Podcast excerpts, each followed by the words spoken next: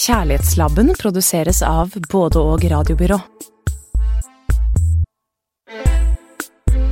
Kjærlighetslaboratoriet med psykologene Sissel Gran og Katrin Eide. Ja, her sitter Katrin og jeg i vårt kjærlighetslaboratorium, og det vi skal gjøre her, det er å utforske det store temaet kjærlighet. Hva er kjærlighetens bestanddeler? Når blir noe kjærlighet? Hvordan varer kjærlighet? Hvorfor knuses den? Og hva kan man gjøre for å få den til å vare? Og en rekke andre spørsmål. Det er det vi skal utforske her i Kjærlighetslaboratoriet. Vi skal egentlig by på alt du trenger å vite om kjærlighet. Og hva er dagens tekst, Katrin? I dag så skal vi snakke om sjalusiens grønnøyde monster. Om sjalusiens nytteverdi og dens ødeleggende kraft i et parforhold. Akkurat. Ja, det er et herlig tema, og dette uttrykket grønnøyd monster, det kan jo spores langt tilbake, ikke sant, til ja. Eh, William Shakespeares 1500-tallsdrama 'Kjøpmannen i Venedig'. Mm. Uh, nå er det jo sånn at litteraturen og populærkulturen og kunstverdenen er full av metaforer som beskriver den vonde følelsen sjalusi. Mm. Altså fordi Sjalusi det er jo en følelse som er forbundet med det stygge. Mm. Altså med det forvridde ansiktet hos den mistenksomme elskeren. Den gustne hudfargen hos den syke, og med det onde blikket, og med trolldom, svik, og med kattens grønne øyne og andre sånne vonde ting. Ja, man kan Altså, sjalusi blir jo sett på så mange, av mange som en umoden følelse i dag. Eller vi sier liksom at det er litt sånn barnslig å være sjalu. Mange tenker det, at eie syke er noe stygt, noe vi skammer oss over. Eh, og den som utsettes for en partners sjalusi, det er jo den som får sympatien. Ja, både i vennekretsen, på terapeutens kontor, i selvhjelpsbøker, ukebladene, faglitteraturen. Det er den sjalu som får beskjed om å ta et grep, gå i terapi, eller ta deg sammen, egentlig. Og det, det, er jo selvsagt riktig at en sjalu må gjøre noe med sin egen pine. For denne pinen blir jo ofte både personens og parforholdets bane. Men disse beskrivelsene som gis av denne tilstanden, blir jo ofte veldig utvendige. Lite barmhjertige, kan vi si. Mm, ja, det er jeg enig i. Fordi det er jo Altså, innvendig sett så, så, er dette en veldig vond følelse. Altså den er mm. veldig, veldig ødeleggende. Mm. Uh, for begge parter, selvfølgelig. Men mm. hva, hva er, hvis vi skal tenke hva beskriver sjalusi, hvordan, hva er sjalusiens bestanddeler, på en måte? Hva er de følelsene som ligger i sjalusien, Katrin? Det handler jo om en frykt over å ikke være bra nok, det å miste noe. Eh, det handler om nettopp det, da, å skamme seg og føle seg så barnslig og mm. krevende eller umoden. Eh, og det er en sånn eh, tapsfølelse, en retrospektiv sorg, på en måte. Denne følelsen av at en annen har vært nummer én for deg tidligere. Mm. Ensomhetsfølelse. Ja. Mm. Så det er egentlig det er store ting, egentlig. Det er mm. sterke følelser. Det er jo mange som blander liksom dette med, med misunnelse og sjalusi. Det kan vi kanskje bare si litt om mm. en gang. Splitte, mm. for det er to ulike ting. Ja, det er det faktisk. Fordi misunnelse, det handler jo om å ville ha noe som en annen har, ikke sant. Mm. At uh, du er misunnelig på den andres popularitet eller penhet eller uh, flotte partner eller uh, fine jobb fine hus, gode venner og god økonomi osv. Mens, mens sjalusi, det handler jo om å være redd for å miste det du har. Altså for, for eksempel kjæresten din. Mm. Um, og miste noe du opplever som ditt, noe som er en del av deg.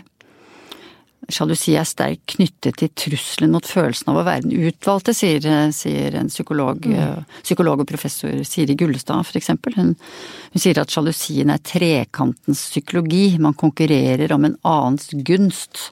Og det er sant, altså. Det, og det, det kan si at den sjalu frykter jo uh, identitetstapet, rett og slett. At, uh, fordi identitet henger jo sammen med posisjonen din um, anseelsen din og din rolle i verden. Og hvis en, uh, hvis en antatt rival, da, uh, truer med å angripe det emosjonelle båndet ditt, mm. uh, til den du har som kjæreste partner, og eventuelt, eventuelle barn, da, så er det også, skal vi si, det er ikke både identiteten din som trues, men det er også tilknytningen din som trues. Altså ankerfestet ditt til dine nærmeste, altså hele den basale tryggheten din. Det er kan derfor det blir så, så voldsomt, Ja, ja, det derfor det er så eh, voldsomt. Sjalusi beskrives jo som en sånn følelse som så lett går helt ut av kontroll. Mm. At man bare mister slett hele kontrollen og blir fylt av denne voldsomme følelsen. Ja. Ja, for jeg tror at det sjalusi kan altså være en følelse som eh, kan få deg til å føle at du trues på livet. Altså en del av deg kan iallfall føle oppleve at du trues på livet, og så reagerer du deretter. Altså selv om ditt rasjonelle jeg forsøker å snakke fornuft til deg, så er det Dette kan vi forstå Ja. nettopp der hvor du var, at det handler om tilknytning. Dette båndet av deg og meg trues, og plutselig så kan jeg stå i fare for å være helt alene i verden. Det er ikke på en måte nødvendigvis riktig, men det er det kroppen eller hjernen signaliserer. Riktig. For det handler om tilknytningen trues. Det er derfor du blir så redd. Ja. Så det å snakke om sjalusi som en sånn ting som man må børste av seg og ta seg sammen osv., da tror jeg kanskje ikke man har forstått Hva det egentlig handler altså hvor langt nede i underetasjen eh, sjalusien faktisk eh, har sin bolig, altså. Um, at, at det er det det er viktig å det er det det er viktig å tenke på. Det er jo en bok som er skrevet om dette, flere bøker selvfølgelig, men vi har en norsk bok også av Arne Repål, som har skrevet en bok eh, som heter Sjalusi, kjærlighetens skyggesider. Og hvor han har noen veldig sånn ja, noen vanlige sjalu dialoger uh, mellom mennesker som vi kan høre på her. ja. Hallo! Hvem var det du kom kjørende med? Eh, Mannen til Lisbeth? Hvordan det? Skulle ikke du være sammen med venninnene dine? Jo, men det har jeg vært. Men han tilbød seg å kjøre oss hjem. Hvorfor det? Sikkert for å være hyggelig. Var han det? Hva mener du? Var han hyggelig? Ja da, det var jo kjekt av han å kjøre oss. Hva mener du med at det var kjekt av ham? Er du opptatt av ham?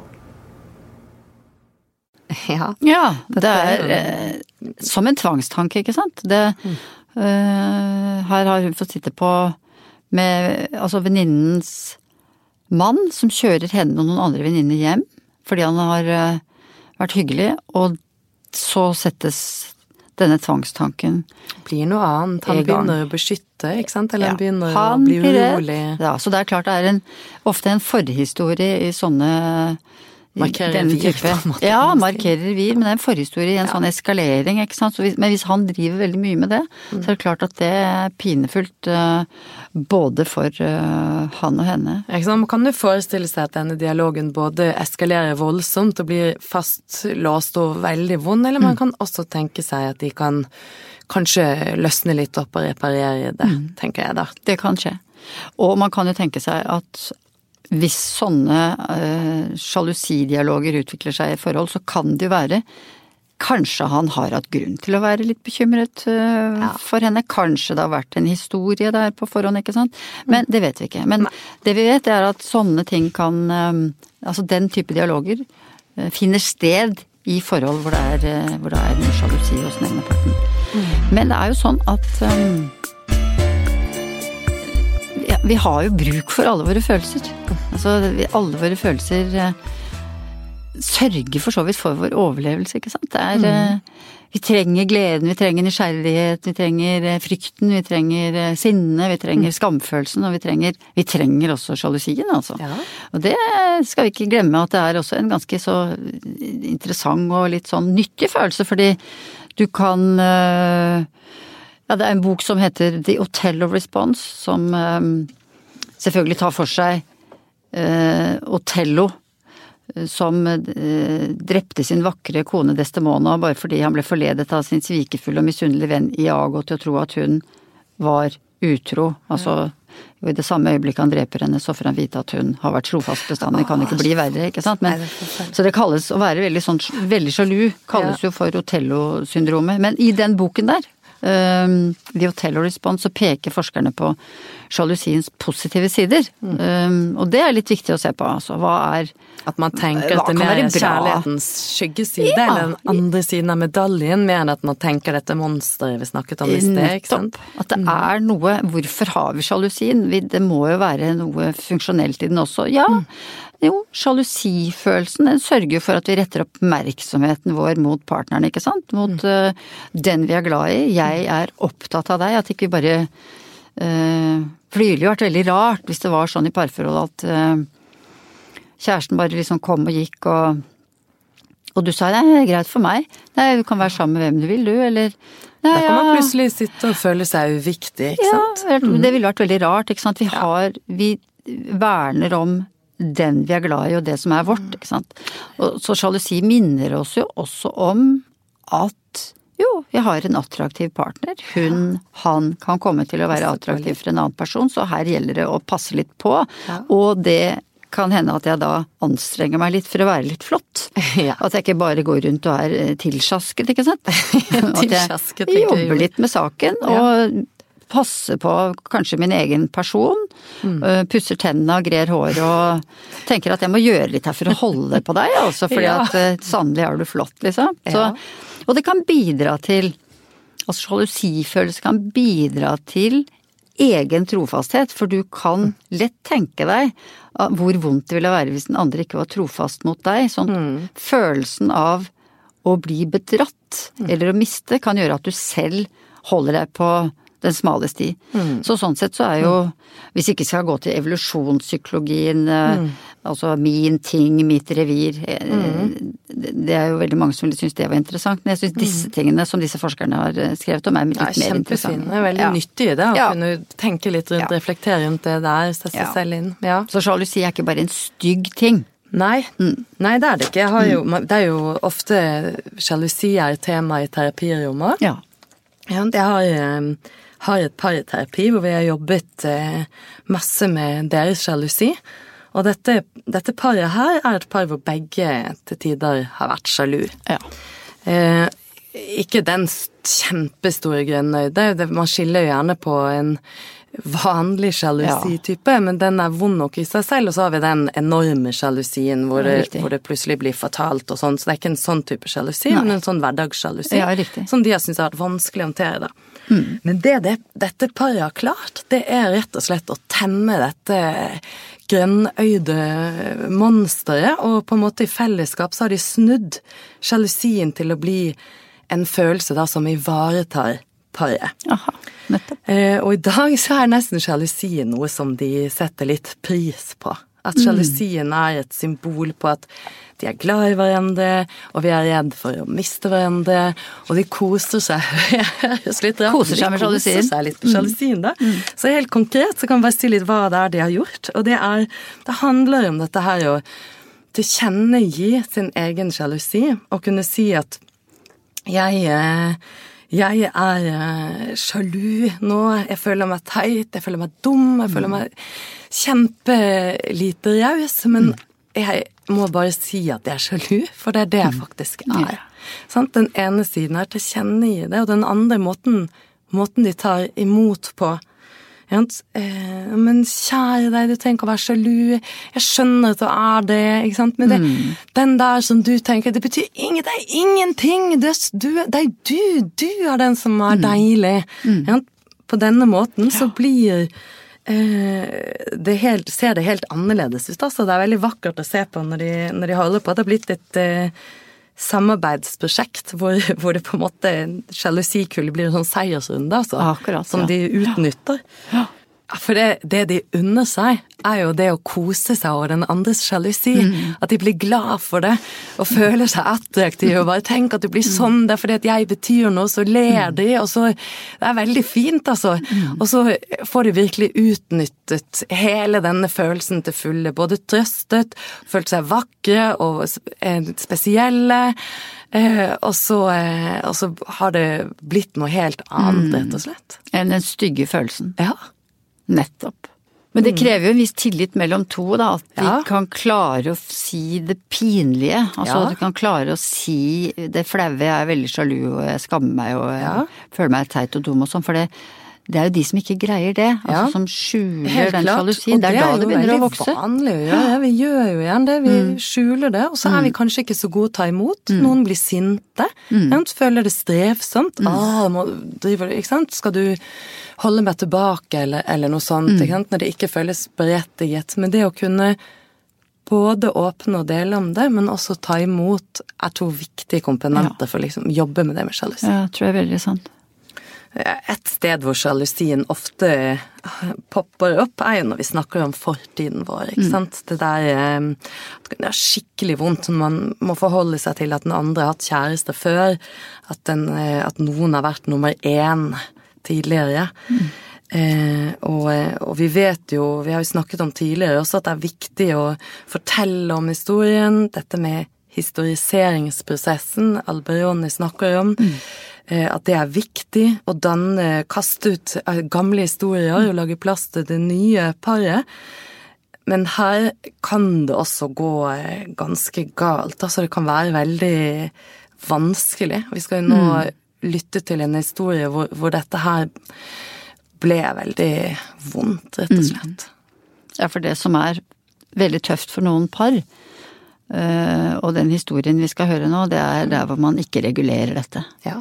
Der hvor man Regulerer følelsene som ja, man rett og slett bare forteller for mye, Ja. og hvor den andre ikke klarer å si 'dette blir for mye for meg'. Ja. Eh, Og hvor det bare eh, strøymer på. Og, Ja. blir, eh, og hvor sjalusien eh, tar kommando i Sant? forholdet. Og ikke kommer til syne, ikke blir delt, men Man som later som. ligger, later som at det går Ja, greit, later ligger inni magen. Og den andre som forteller om historien sin, eller forteller om det som har skjedd tidligere, Mm. ikke er årvåken, ikke plukker opp at det blir for mye. Kan komme til å tro at det er i orden for den andre å få detaljer om sex med en annen, for eksempel. Mm. Ja, det er Ola G. Furuseth som leser eh, fra Stig Settebakkens bok Ikke forlat meg. Dere sitter i hver deres ende av madrassen mens dere forteller ferdig. Men etterpå, du ser det på henne, skjønner du at hun ennå ikke har fortalt alt, at det er noe hun nøler med, noe hun kvier seg for å fortelle. Det tar lang tid før hun kommer med det. Du må lokke og lirke. Men så kommer det. Taus sitter og hører historien hennes til ende. Du stiller henne noen spørsmål, hvor konserten hadde vært, hvilket band det var, hva han het, den lærkledte vokalisten. Du føler en overveldende trang til å ta rede på alle detaljer. Samtidig er du livredd for hva disse detaljene vil få deg til å se. Mer og mer levende blir det, klarere og klarere for hver nye opplysning du haler ut av henne. Og du hater det du ser. Synet av henne i sofaen, kåt, full, naken, vulgær, fnisende, med den gamle grisen over seg. Han var dobbelt så gammel som henne og kalte seg Dobbermann. Det var artistnavnet hans, og veggene i leiligheten hans, de var grønne, hadde vært dekorert med hundrevis av pornografiske bilder. Han hadde spurt om å få ta henne i baken også, men det hadde hun ikke villet. Men du likte det på den vanlige måten, da, spør du. Og stemmen svir i halsen på deg når du sier det. Det føles som om du skal bli kvalt hver gang et nytt spørsmål arbeider seg opp av strupen og ut i munnen. Du spør og spør og spør, og vemmes av de usikre, litt stotrende svarene hun gir, måten hun svarer på, beskjemmet og lattermild på en gang. Og du tenker, det er bare jeg som gjør henne beskjemmet. Hvis jeg ikke hadde vært her, ville hun ha gledet seg over disse minnene. Når du våkner i grålysningen er du helt omtåket, sitter lenge oppreist i sengen og stirrer før rommet faller på plass rundt deg. Men en uro i kroppen forteller deg at det er noe som ikke stemmer, at noe er galt. Du kikker rundt deg. I det fargeløse lyset er alt forandret. Noen må ha flyttet dere mens dere sov. Du snur deg og ser på henne. Hun ligger på ryggen med åpen munn, og den ene armen rett ut, rykket bort fra denne verden, med en svak pipelyd gjennom nesen. Du ser på henne og vet at verden er forandret, at det som eksisterte for bare noen timer siden, aldri vil komme tilbake, at noe er tatt bort at noe er fjernet, at noe nytt, noe du ikke visste fantes, er kommet i dette sted. Åh, det gjør altså så vondt å høre på det. Eh, Ja, men det de i prinsippet driver med her, er jo noe veldig fint. De rydder jo plass til paret sitt, disse her, men så går det skikkelig galt. Fordi at han, han klarer ikke å tilkjennegi sin egen sjalusi, han sitter med det helt alene. eh, Og, og bare fyller hele han. Og hun, hun plukker ikke opp at det blir for mye. Hun er ikke årvåken nok, rett og slett.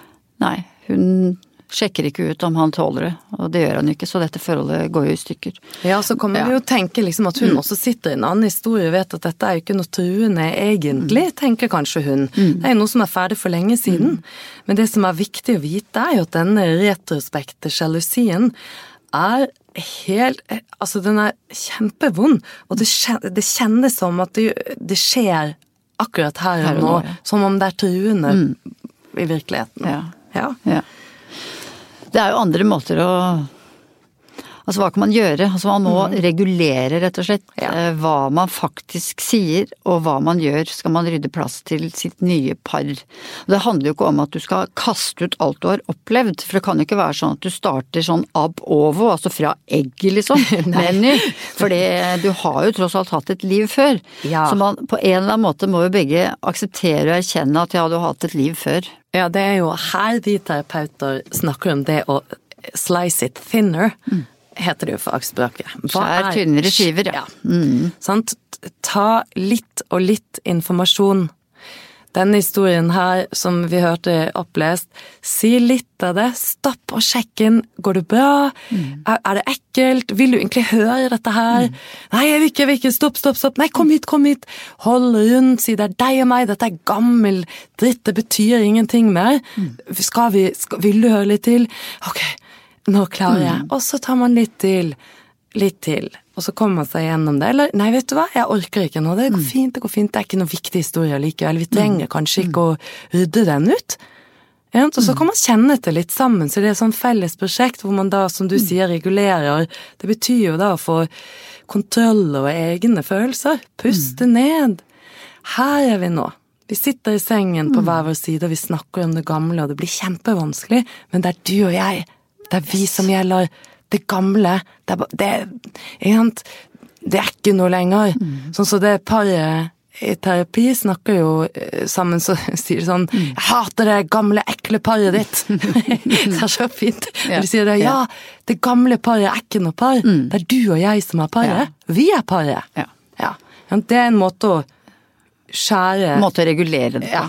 Skjære tynnere skiver. tynnere skiver. Mm. Det er ett eksempel, tenker jeg, der lurer folk noen gang. For det, i dag eh, så har vi noe som heter Facebook, og vi har andre Ja. ting også man ikke hadde da jeg var ung. Så da var det ikke noe problem, det der med Da hendte det at kjæresten hadde et fotografi av forrige kjæresten i lommeboken sin. Og det ville vi ikke ha nå, nei. Så det måtte man rive i stykker sammen og kaste i bøtta. Da var på en måte, da var man på eh, en god ny vei. Men i dag så kan det florere med gamlekjærester på sosiale medier, og kanskje særlig Facebook. Hva skal man, du som er ung, gjøre med det, Katrin? blir jo nesten det samme da. Det å avvenne. Det å ikke være venner på Facebook med, for eksempel.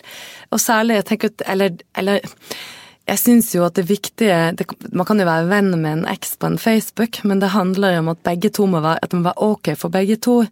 Og hvis det ikke kjennes ok for den ene, da skal man høre det. Man skal beskytte kjærligheten og ta den eksen vekk fra Facebook. Ja. Tror du ikke mange moderne mennesker vil synes at det er utrolig lite raust og fryktelig umodent og Helt sikkert, men kanskje de heller har lyst til å leve i nuet med den kjæresten de faktisk har valgt. Ja, så ditt råd er altså, som ung psykolog, få dem vekk Ja. fra Facebook-veggen din. Ja. Hvis det er meg du vil ha, kan du da være snill å ha, ikke ha alle gamlekjærestene dine der, takk. Så at det går an å si det uten at, det, uten at man da er på en måte et sånt eh, villdyr fra hulebordtiden. Ja, at ikke det handler om å kontrollere, men det handler om å lage plass til oss, og handler om å kjenne den eksklusiviteten, at det er deg og meg, og, og jeg er viktigst for deg. Det er jo uh, Nok en gang så er det sånn at folk er forskjellige, og at noen er mindre sjalu enn andre. Noen plages ikke så veldig med det, rett og slett. Fordi, og det handler igjen om at de har en trygghet i seg selv. Jeg er ålreit, jeg er en person som er verdt å elske, og jeg kan stole på andre mennesker. De leter ikke etter avvisningstegn. De er ikke engstelig liksom på med radaren hele tiden at skulle det kunne være noe muffens her, ikke sant. De, de tror på det den andre sier, og de tror på at verden er et bra sted. Altså de er ganske tillitsfulle. Og der er det mye mindre sjalusi Ja. enn de som da er mer utrygge og som av forskjellige grunner ikke har den gode arbeidsmodellen 'jeg er verdt å elske', 'jeg tror at verden er et godt sted og at jeg kan stole på andre'. De sliter mer med sjalusi, rett og slett. Så hvis man har en litt skakk arbeidsmodell for å klare å få den opp og stå, skal jeg nær sagt, Ja. så handler jo det mye om eh, trygging. Å få, å, bli, å, å få hjelp til å bli mer trygg. Ja, hvis du har en kjæreste som er litt Hva skal vi si litt tander eller tens på sånne ting, så er det å trygge den personen veldig viktig. Og være forutsigbar, si hva du skal og hvor du har vært. Og holde avtaler og ikke gjøre muffens ting og ikke drive med rare ting på nettet. Alle sånne ting som vil trigge utrygghetsfølelsen hos partneren din. Mm, Og hvis partneren ja. tar opp og er på en måte transparent, forteller om sin egen Mm. sjalusi, så handler det om hvordan man tar imot, og ikke blir sint og irritert Akkurat. og føler at man blir plukket på eller kritisert, men mer tenke det som at det er et, et rop om lengsel. Jeg lengter etter deg, jeg Ja. er usikker på om Jeg er redd for å miste. Mm. Ja, redd for å miste deg. Så det, det er en måte å rett og slett håndtere sjalusi, Ja. og se på det som et felles prosjekt. Ja, i stedet for å føle eller, eh, eller spille tilbake at du opplever deg kontrollert og Ja. administrert, ikke sant. Mm.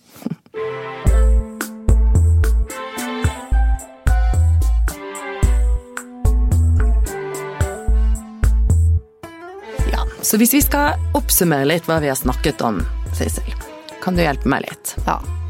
En kort ting, da. Sjalusi er en del av det å være menneske. Ja. Det er en følelse som vi ikke kommer unna. Alle har følt på det en eller annen gang. Og de fleste vil komme til å føle på det en eller annen gang. Og da tenker jeg at man må ønske følelsen hjertelig velkommen og si hei, jaså der kom du gitt. I stedet for å få veldig panikk eller skamme seg så veldig over den følelsen. Og hvis man har en kjæreste, si til kjæresten du, det er veldig flaut å si det, men eh, da du eh, sa det, så ble jeg litt sjalu. Og du syns kanskje jeg er et dårlig menneske, men jeg følte bare at jeg måtte si det. Og da er det veldig fint hvis den kjæresten kan si 'jeg er glad for at du sa det', for jeg har også følt på det noen ganger. Altså sjalusi er kommet for å bli, øh, og den kan utvikle seg til å bli veldig stygg hvis man ikke skjærer skikkelig tynne skiver av den og prøver å presentere den for seg selv og en mulig partner. Da er det håndterbart, rett og slett. Ja, så ikke bli redd, du er bare et menneske. Ja.